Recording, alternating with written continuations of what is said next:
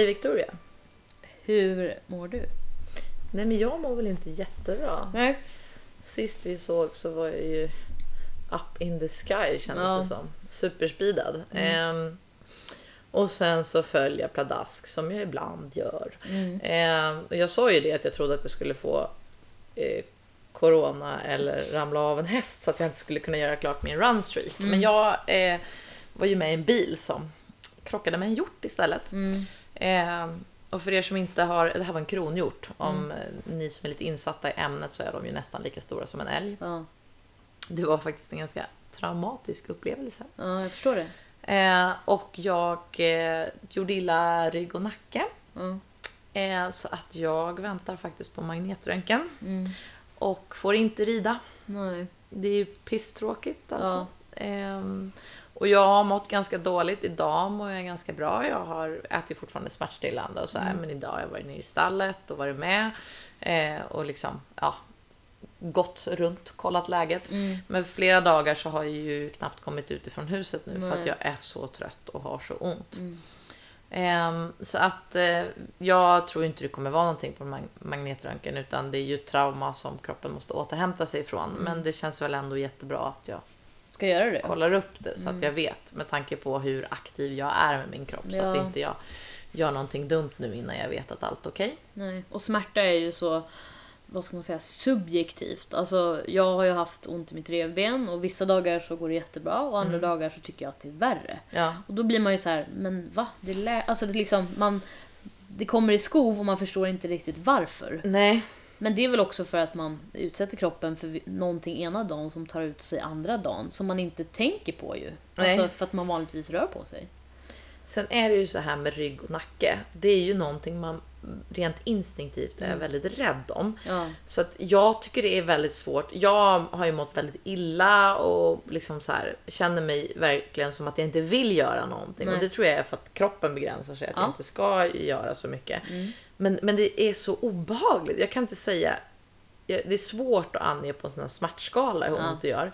Utan det är mer det bara att det är så jäkla läskigt Mm. liksom. Att jag inte kan vrida nacken åt alla håll och att jag Alltså det gör ont om man sitter, ibland gör det ont om man står eller när man Mm. liksom glömmer bort och böjer sig ner och ska lyfta upp någonting. Att Mm. det hugger till. Att det, det är en o, väldigt obehagskänsla jämfört mot om man har ont i en hand eller ett ben Mm. eller någonting så vet man ju vad det är och att så här, det läker. Men det här, den här känslan kring ryggraden, det är ju lite obehagligt. Mm. Även om det bara skulle vara muskler och nerver så är det obehagligt i alla fall. Ja, Men sen så upplever jag ju att alltså, jag kopplar rädsla vid smärta. Alltså just lite det här med att har man ont, och, eller man, man får ont när man gör någonting, så blir man ju så här, man spänner ju, man spänner Mm. Ja. ju sig då liksom för att värja sig mot smärtan.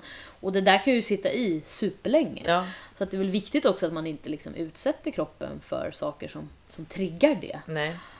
Och så mycket värme har jag haft. Jag har ju vetekudde och badar varmbad flera gånger Mm. om dagen.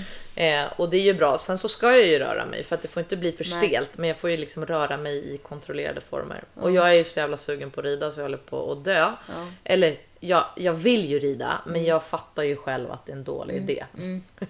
Någonting har du lärt dig med Ja, åren. Det är liksom, jag får ju inte rycka till eller knäcka till någonting Nej. nu. Så att vi, vi avvaktar. Så hästarna får ta det lite lugnt. Det är ju tur att Claes kan hjälpa mig att rida. Mm. Och sen ehm, ja, får vi bara eh, hålla ut nu tills Mm. eh, allt är klart och jag är på banan igen. Ja, och det är ju mycket vilt som rör sig ute nu så att det... Ja, det, och det tycker jag är obehagligt för det kan du ju inte påverka på något sätt. Nej, verkligen inte. Jag såg på vägen hit, jag, vi sitter ju hos dig och poddar idag och Mm. det var ganska länge sedan jag var på Brolöten. Ja, Men de har ju satt upp eh, flera eh, antydan till fartkameror på vägen hit. ja, Eh, men de har inte kommit upp än. Nej. Men det är, ja, det är, man, man får sig en tankeställare så fort någon är med i en, en trafikolycka. Ja. Alltså, Ja, gud, man kör, jag kör ju så mycket bil så Ja. när sånt där händer så blir man bara, men wow, Ja. liksom. och det är ju, det är ju liksom fria, vilda djur som rör sig eh, alltså på vägarna så det kan man ju inte göra någonting åt. Nej. Men eh, jag är glad att du ändå, att ni klarade er så bra. Och att du är på bättringsvägen. Ja, för det. Jag är på Ja. bättringsvägen. Och det är jättemånga som hört av sig. Jag vill Mm. tacka jättemycket för det. Alla, eh, alla mina vänner runt omkring som har försökt hålla mitt mod uppe. Men Mm. även på, på Instagram och så, Mm. att det är så många som hör av sig och eh, peppar. Det Mm. känns jättebra. Karl Hedin gav ju mig tips att jag skulle köpa en ny häst när jag var deppig på Instagram. det känns ju kanske som att just nu är väl inte det ett, ett alternativ. Nej. Eh, det är lite för många hästar här just Ja. nu. Eh, vi har ponnyer till salu om det är någon som sugen Just det. Connemara. Fyraåriga Connemara har vi bara kvar Okej. just nu. Mm. Men de är väldigt snälla och har gått i verksamheten. Så är det någon som är lite sugen på att köpa ponny så är det bara att höra av sig till mig. Kul. För att ehm, ja, vi har, det är maxat här nu. I stallet. Mm.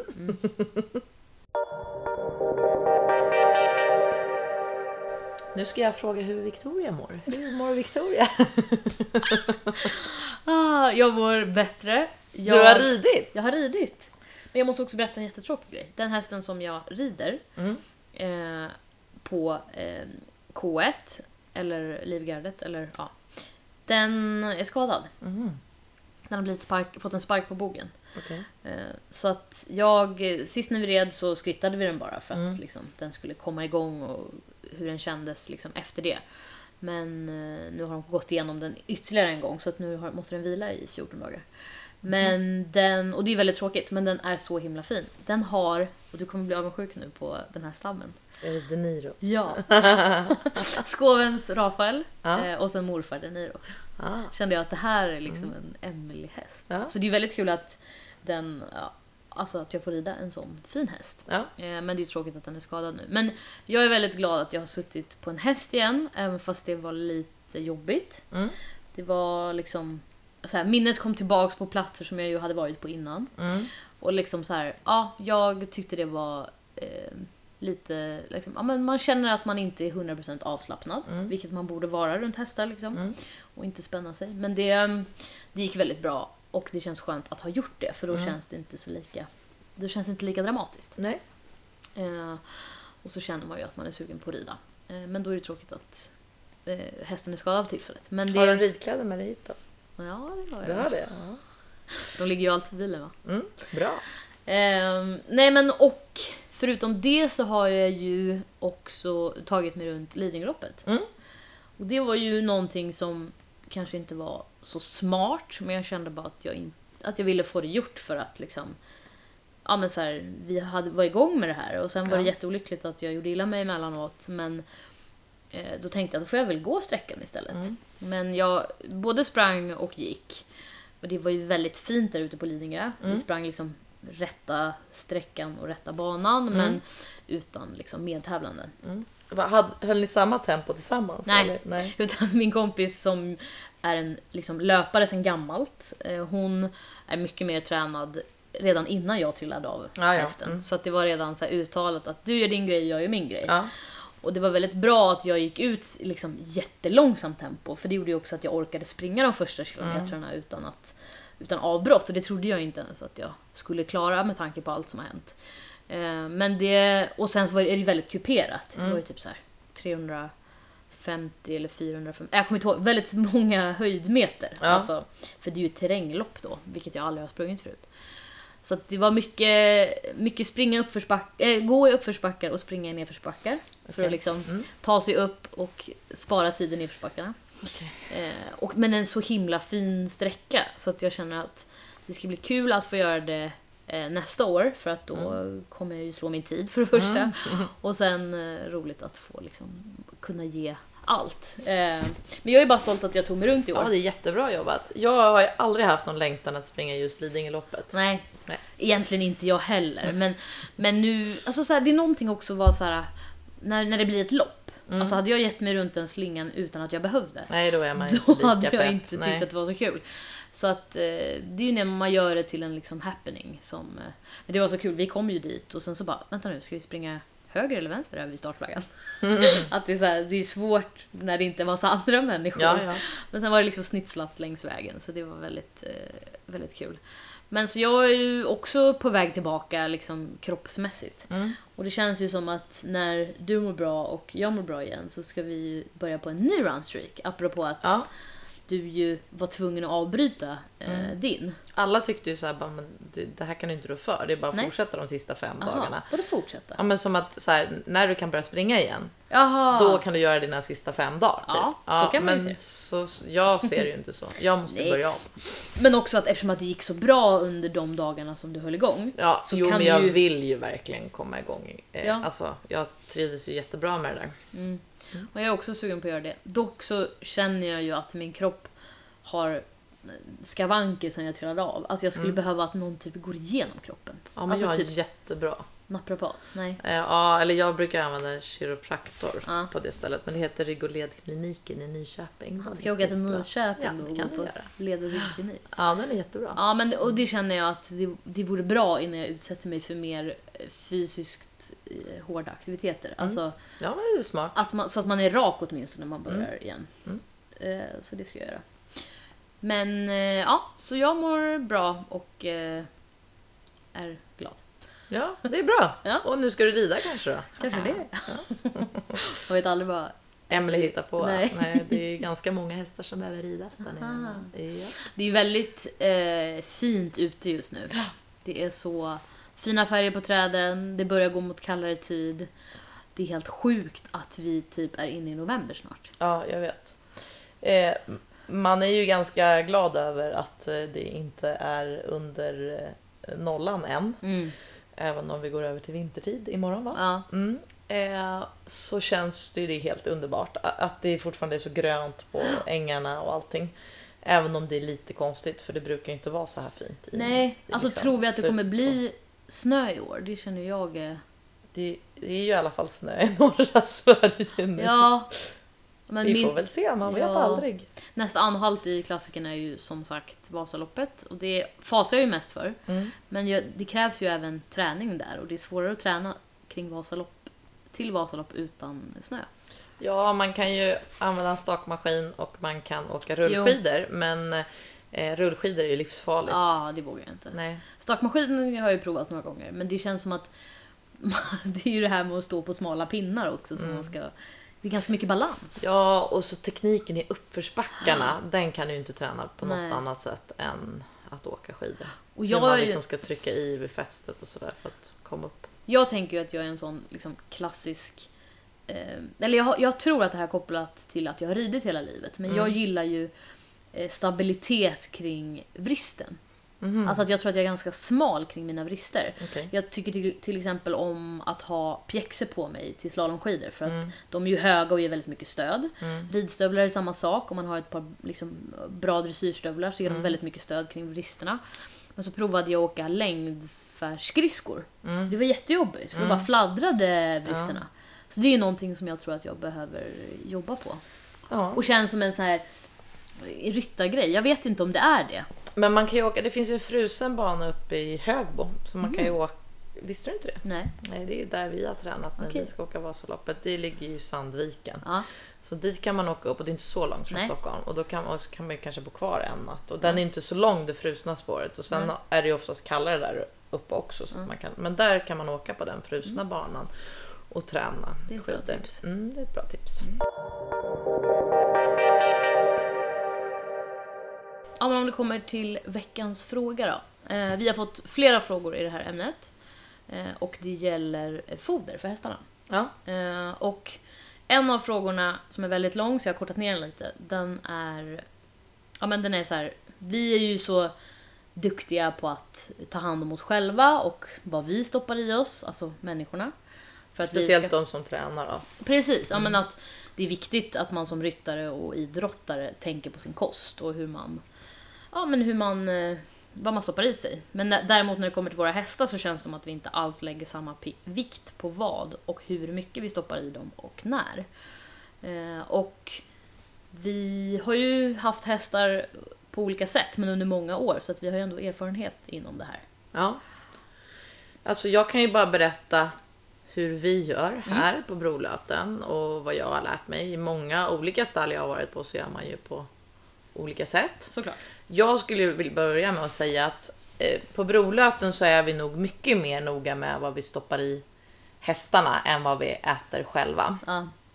Eh, vi tar ju vårt egna eh, grovfoder. Mm. Både höhalm och hösolage tar ju vi själva. Mm.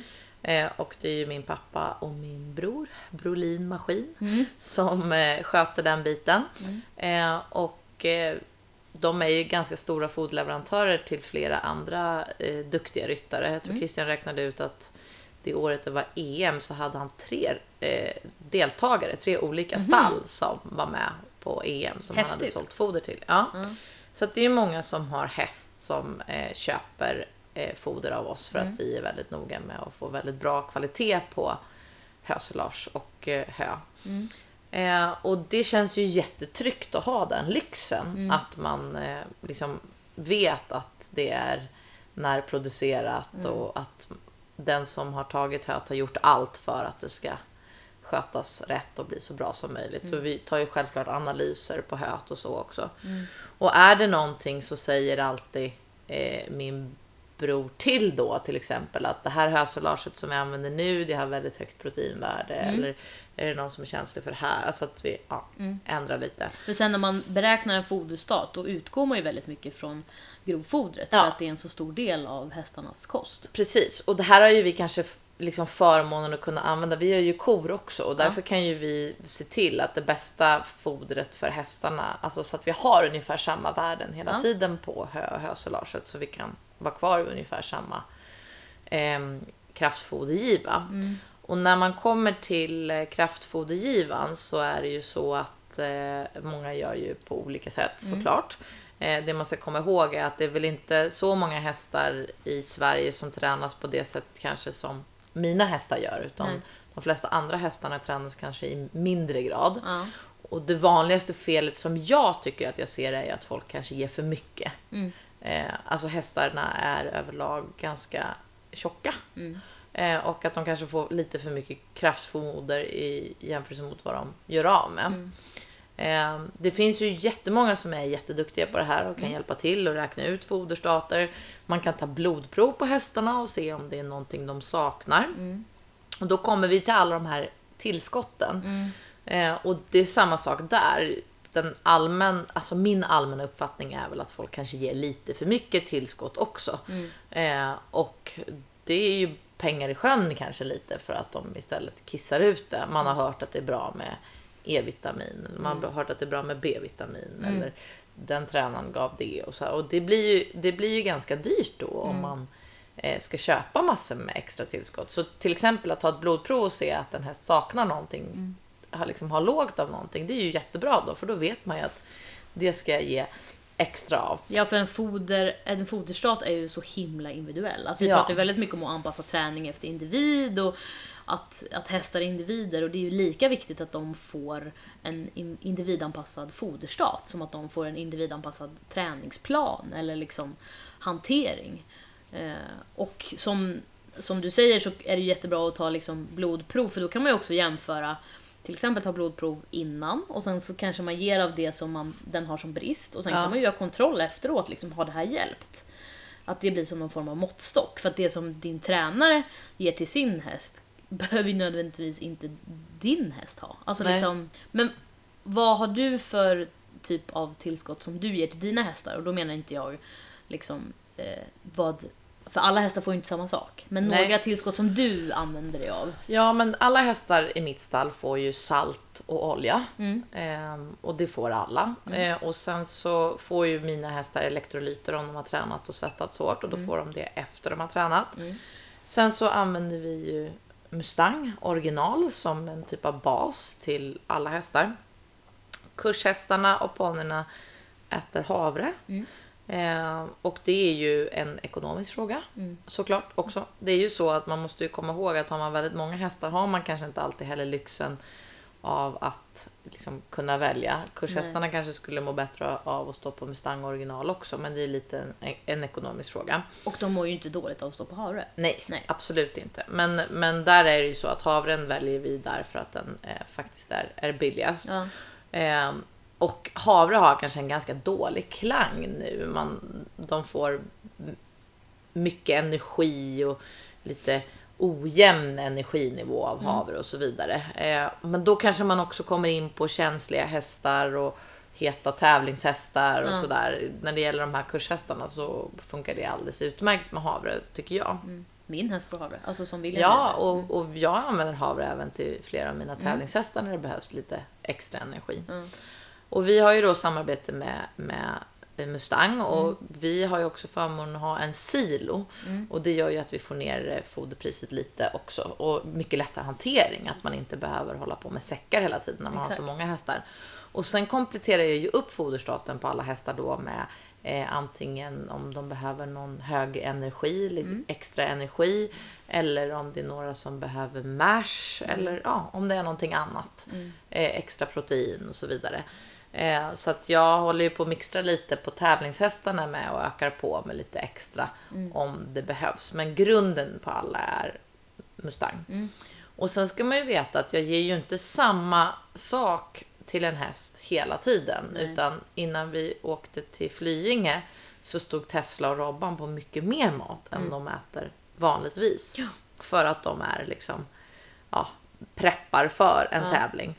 Och kanske även där nere får de mer än de brukar få på grund av att de gör av med mycket mer Energi. energi. Och både hö ger vi också mycket mer när vi är borta för att de ska ha något att pilla med och plocka. Ja. Också på samma sätt då när hästarna vilar så behöver de ju mindre foder. Precis. Och det måste man ju verkligen tänka på om man har en häst som har varit hos veterinären och inte rids och kanske till och med inte ska gå ut i hage utan bara ledas för hand. Då tar ju vi bort allt kraftfoder. Mm. Jag har ju pratat lite om det här innan eftersom att vi har pratat om koppers magsår. Men vi har ju också vissa rutiner i eh, hur vi fodrar. Mm. Och det, det här gör man ju olika i alla stall. Men vi gör så att vi eh, tävlingshästarna får hö ifrån höpåsar. Mm. Och det är ju för att man varje dag väger. Så att man inte höftar hur mycket hö man ger. Det är ett vanligt fel, tror jag. Att man bara gör en hög och så tror man att det är si eller så mycket. Eh, Så att jag vill att tävlingshästarna ska få ur höpåsar som är vägda. Eh, Så de får hö då på morgonen. Några av hästarna som har lite svårt att gå upp i vikt eller som är väldigt stökiga i boxen får hö i såna här slow feed nät. Och här, när man ändå pratar om det, så tycker jag att det är jätteviktigt hur man hänger upp de här näten. För det är ju jättelätt att hästar fastnar i hönät och Ja. då kan ju det skada mycket mer än vad det hjälper. Så har man hönät till sina hästar så måste man se till att de hänger i en höjd så att hästen inte kan fastna. Eh, och eh, sen ungefär en kvart efter, minst en kvart efter de har fått hö, så får de kraftfoder. Och är det då en häst som inte ska äta så mycket kraftfoder för att den vilar eller så, då brukar vi alltid ge dem en näve så att man inte ja, har något stressmoment liksom. kring det. Förut gav vi alltid alla tillskott på morgonen. Det var bara en sån rutin liksom. Men det tar ju ganska mycket tid om vi nu säger att det finns tio tävlingshästar i stallet och eh, kanske kurshästarna också får salt och så vidare. Så går man där och, och, och liksom, man får inte ut hästarna för det tar lång tid att fodra. Ehm, och sen är det många av våra hästar som inte alltid äter upp de här tillskotten och då brukar vi alltid ge eh, mash eller linfrö på eh, eftermiddagen. Och då är det lite öppblött och då är det mycket lättare att hästarna äter upp alla tillskott om eh, det är uppblött. Och det är ju lättare att administrera. Alltså Ja. Mm. att lägga det i blöt när man kommer till stallet än om man Precis. ska göra det dagen Ja. innan. Så, och det är ju också så då att då har man lite mer tid på sig på eftermiddagarna med kraft. Eh, när det gäller lunchen så får de den eh, halv tolv och då är det några hästar som får det i hage och några hästar får det inne. Eh, och om Kopper till exempel går jätte, liksom i full fart, eh, då får hon också lunchkraft. Eh, men, och samma sak då om de ska ha elektrolyter så får de lite lunchkraft om de har gått lite extra. Sen har vi en eftermiddagsfodring halv fem och då är det hö igen och sen kraften. Och sen sista kvällsfodringen halv åtta, åtta. När bara... vi gör en night check och då är det bara hö.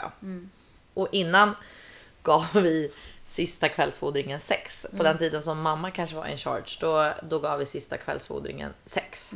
Och sen eftersom vi har haft hästarna på halm hela tiden så eh, tyckte de väl att det räckte då att de kunde äta halm på natten och sen eh, att man fodrade halv sju på morgonen igen. Men jag tycker ju att det är jätteskönt med den här extra Mm. nightchecken. Om jag och Claes gör den brukar vi göra den ännu senare för att man liksom ska Sprider ut det lite. ja, minska antalet timmar så man inte Har kollar koll. till hästarna. Mm, precis. Någonting som jag tycker har försvunnit, alltså om jag kollar så här tio år tillbaka, det är betforn. Ja, jag tror ju att eh, man är lite emot socker precis som man är på människa. Att Ja. man inte ska blanda i för mycket socker.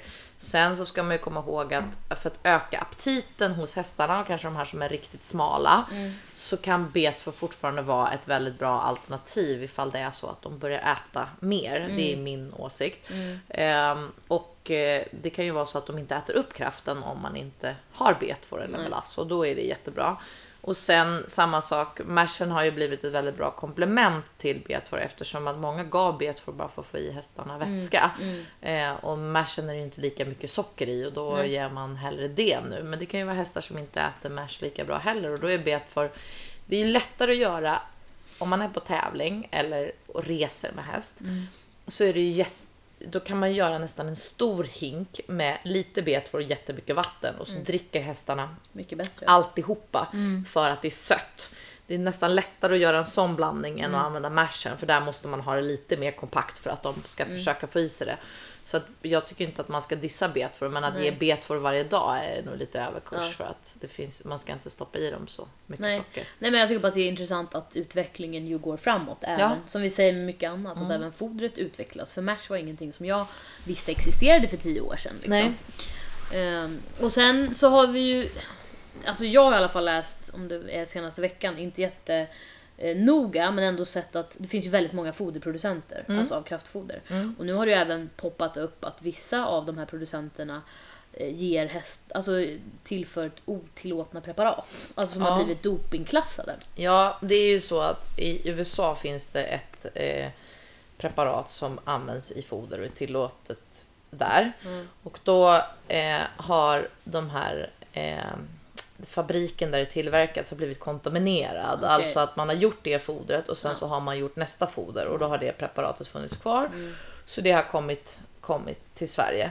Eh, och lite vad jag tänkte på i hela den här frågan när man pratar om foder. Jag är ju väldigt noga med närproducerat foder när det gäller höt. Och faktum är att en av de största anledningarna till att jag väl, väljer Mustang och använder Mustang är att det tillverkas på Stigtomta kvarn fortfarande i Nyköping. Ja. Även om, om eh, RS Mustang nu säljer eh, Mustang original så körs det från Stigtomta kvar, kvarn upp till RS Mustang i Enköping. Så att eh, min kraftfoderproducent ligger 45 minuter härifrån och jag har varit där på besök och jag ser hur, hur det går till.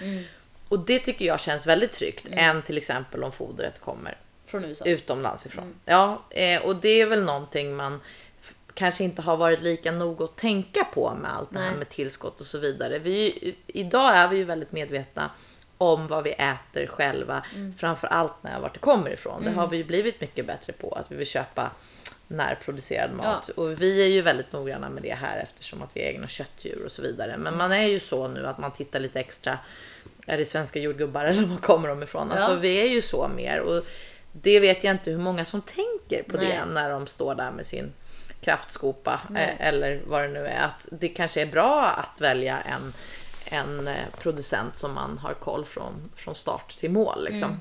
Och det känner jag mig väldigt trygg med, med det märket som jag men- har valt att använda. Och det förstår jag för att jag tycker att det, alltså jag som hästägare hade kanske inte reflekterat kring det egentligen. Nej. Alltså så här, nu har jag ju egentligen anpassat mig till de stallen jag har stått i. Så här, Mm. Vad tar de här in generellt? Eller vad kan jag vara en del av i en foderleverans? För att Ja. man som vad ska man säga, eh, ryttare med en häst inte gör så stor påverkan Nej. eller gör åt så mycket foder. Ja. Men att det är ju att man också måste tänka på att man gör ett aktivt val då när man alltså faktiskt väljer det fodret. Ja. Och att, att det kommer härifrån eh, än från någon annanstans tycker jag ju låter så här jättelogiskt egentligen. Ja. Annars kanske man inte reflekterar över så här, vart det är producerat och vem som har gjort det. Nej, och vi, jag måste säga att jag har ju blivit väldigt mycket bättre på det här. Förut så följde jag nog mycket mer trender Mm. när det gällde foder och var inte riktigt lika noga med kanske inköpspriset längre. Nu, Nej. ju mer man håller ekonomin så blir man ju mycket mer medveten om att man måste hålla nere Ja. eh, kostnaderna. Och därför så är det ju också så att när det gäller havren nu, förut så köpte vi den kanske på säck ibland Mm. eller pall och så vidare. Nu har jag med hjälp av Christian och pappa då eh, kontakt med en lokal bonde här där vi handlar havren. Det känns också väldigt närproducerat. Vi Ja. hämtar den i hans stora silo i liksom stora eh, såna här kärl. Och det, alltså, det känns bra tycker jag. Det, det blir väldigt närproducerat och nära och det vill jag ju gärna ha med allting. Även oljan vi ger hästarna är ju också från den här eh, Stigtomta kvarn. Ehm, Och det kanske inte alla har möjlighet till. Nej. Men jag tycker ju att alla så stora stall ska liksom ta det till sig. För att om man då är ägare av ett stall som har många inackorderingar, liksom även, in, även sådana som inte har sån verksamhet som ni har, så är det ju en, en grej som man kan tänka på. Om man ändå tar in foder liksom från Ja. något ställe, då kan man lika gärna ta det från något som är närmre. Ja, nej, och det ju, finns ju jättemånga bra foderproducenter. Ja. Det här är ju inget sponsrat inlägg Nej, på nej. något sätt, utan det finns ju jättemånga bra foderproducenter. Men jag berättar ju bara om vad jag har valt och varför jag har valt det. Och du har ju inte haft samma sak hela tiden i alla år, Nej. utan du har ju också, liksom, liksom att man ändrar foderstat efter hästarna och vad de passar på nu och, och kanske vill ha annorlunda om ett halvår, så har ju du också testat olika märken och Ja. sånt. Och det, det tror jag många gör, men att det, det finns många bra eh, foderleverantörer och det ska man ju... Men eh, om, om man tänker då på det här med produktionen så har jag aldrig varit missnöjd då med, med det fodret som Nej. har kommit som jag använder. Eh, och sen har jag kompisar som har hittat plastbitar i ändå svenskproducerat foder. Eh, och eh, nu har vi det här kontaminerade fodret. Eh, så man ska nog vara lite observant och, och göra lite analys, kanske speciellt om man är en tävlingsryttare så att man verkligen har kontroll. För att jag vet inte om alla vet hur det fungerar med doping och så, men det är ju faktiskt så att det är bara du som ryttare som är ansvarig. Så det spelar liksom ingen roll Nej. hur hästen har fått i sig den otillåtna substansen. Det är ändå du som blir dömd. Så att om jag har en, en eh, konkurrent som går och häller en kopp kaffe i min häst Mash så kommer jag i alla fall åka dit på Ja. det. Eller om min foderleverantör har haft kaffe i. Ja. Och, och därför så blir ju vi som tävlingsryttare väldigt, väldigt nojiga. Ja. Vi vill ju, även om det står, eller så här, men vadå, är inte det här doping? Mm. Nej, det är inte doping. Och så vill man ändå kolla och läsa på och fråga. Och om en veterinär säger, ja det är två veckors karens innan tävling. Ja, då lägger man gärna på tre veckor exakt. för att vara helt säker. Och det är viktigt att man förstår det där sambandet. Att vi, vi känner ju ett så stort ansvar för, Ja. för även den biten. Sen vill man ju inte, man vill ju absolut inte stoppa i hästarna otillåtna Nej, substanser såklart. ändå. Men man har ju ett så stort ansvar också för den här biten. Mm. Och därför är det ju väldigt viktigt att man är medveten om Mm. vad man stoppar i hästarna. Ni kissar till, till exempel inte i boxarna här. Nej, det gör vi inte. Sen kanske jag, jag kanske är extremt nojig. Jag, Innan tävling så får det ju inte förekomma några energidrycker eller kaffekoppar in i stallet. Och jag tycker bara att det är, liksom, eh, det är bättre att vara så noga. Så att man vet själv att man ja, tar ansvar för det. Men det är ju ändå fruktansvärt om man kan om man helt omedvetet bara har fodrat något som det står att det är okej och sen så ja, Ja, det... nej. Och foder behöver ju egentligen inte vara så krångligt. Alltså om man tänker, nu har jag en häst som går på lösdrift, alltså Ja. Tamara Streamline som ska förhoppningsvis få mitt föl nästa år. Mm. Och hon, hennes foderstat utgår ju från hösilage. Ja. Eftersom att hon inte gör av med så mycket energi. Eh, men ändå rör på sig liksom som en normal häst, alltså normalt hästbeteende. Eh, och sen så tillför man ju det som de inte får i sig naturligt. Men Ja, det, är ju, det är väl två saker man ska ge eh, dräktiga ston. selen, Selen och sen så E-vitamin, Ja, eller? Det det låter bekant. Ja. Eller selen, Selen- och E-vitamin. Ja, Eh. selen är jag i alla fall eh, säker på att man ska tillföra. Ja, jag kommer inte ihåg nu. men Nej, men nu- och det är väl det viktigaste. Så att man ska ju såklart ha koll på eh, det också. Men, men mer att liksom, en häst som inte har ett ansträngande liv behöver inte få så mycket Nej. extra. Så man ska utgå från ett bra grovfoder och sen så beroende på vad hästen gör till vardags så ska man liksom anpassa fodret efter det. Och, och om man inte kan det här, vilket ju också är helt normalt, då får man ju ta hjälp av någon. Alltså prata med tränare, prata med någon som är kunnig i stallet eller liksom och läs på lite så att man eh, Selen och E-vitamin var det vi gav i alla Ja. fall. Så det är bra. Nej, men så-. Och att så här, det ju är det är ju ryttarens ansvar att hästen får i sig rätt grejer. Ja. Men om man själv inte vet så, så är det bra att fråga någon. Liksom. Ja, och så måste man kanske pröva sig fram. Jag vet inte om jag riktigt framförde det förut, men om jag känner att jag har gett en häst samma foderstat ett tag så tycker jag den börjar bli tröttare, då ökar jag ju fodret. Eller tvärtom, om en häst är jättehet då får jag ju dra ner. Och det kanske inte alltid stämmer överens med en, en foderuträkning, Nej. utan någonstans måste man ju gå på sunt förnuft också och känna att så här, nej men här måste vi ta bort lite foder eller nu måste vi tillsätta energi för att det ska finnas mer kraft. Men samma sak också som du sa, att det här med tillskott, det är ju någonting som jag upplever liksom, ja, nästan blir trendigt. Ja. Du sa att du följde mer fodertrender förut, men Ja. jag tror att det är många kända ryttare som har eh, med sig mycket av deras vardag och Mm. berättar vad man ger hästarna för mat. Och om man då ser tio stycken preparat som den hästen får, Mm. alltså, eller i form av tillskott, då kanske man tänker att det borde min häst också ha. Att just Ja. det är också någonting som man inte ska liksom övergöra. Om Nej. man inte är en, en tävlingsryttare som behöver få ut de, sista extra procenten av sin häst. Nej, alltså, exakt. en fälttävlanshäst äter ju mycket mer än vad en ridskolehäst gör. ja. Så att, ehm, ja men bara liksom, ja, men som du säger, använda lite sunt förnuft och inte ge för mycket foder. Och, eller liksom att tänka på, man kan inte ge för lite foder heller såklart, men alltså att man, och om man inte vet så tar man hjälp. Ja, det är väl som med alla frågor att om man inte har kunskapen själv så ta hjälp. Men man ska nog inte lyssna på för många och, utan det är bra att man tar professionell hjälp. Liksom. Mm.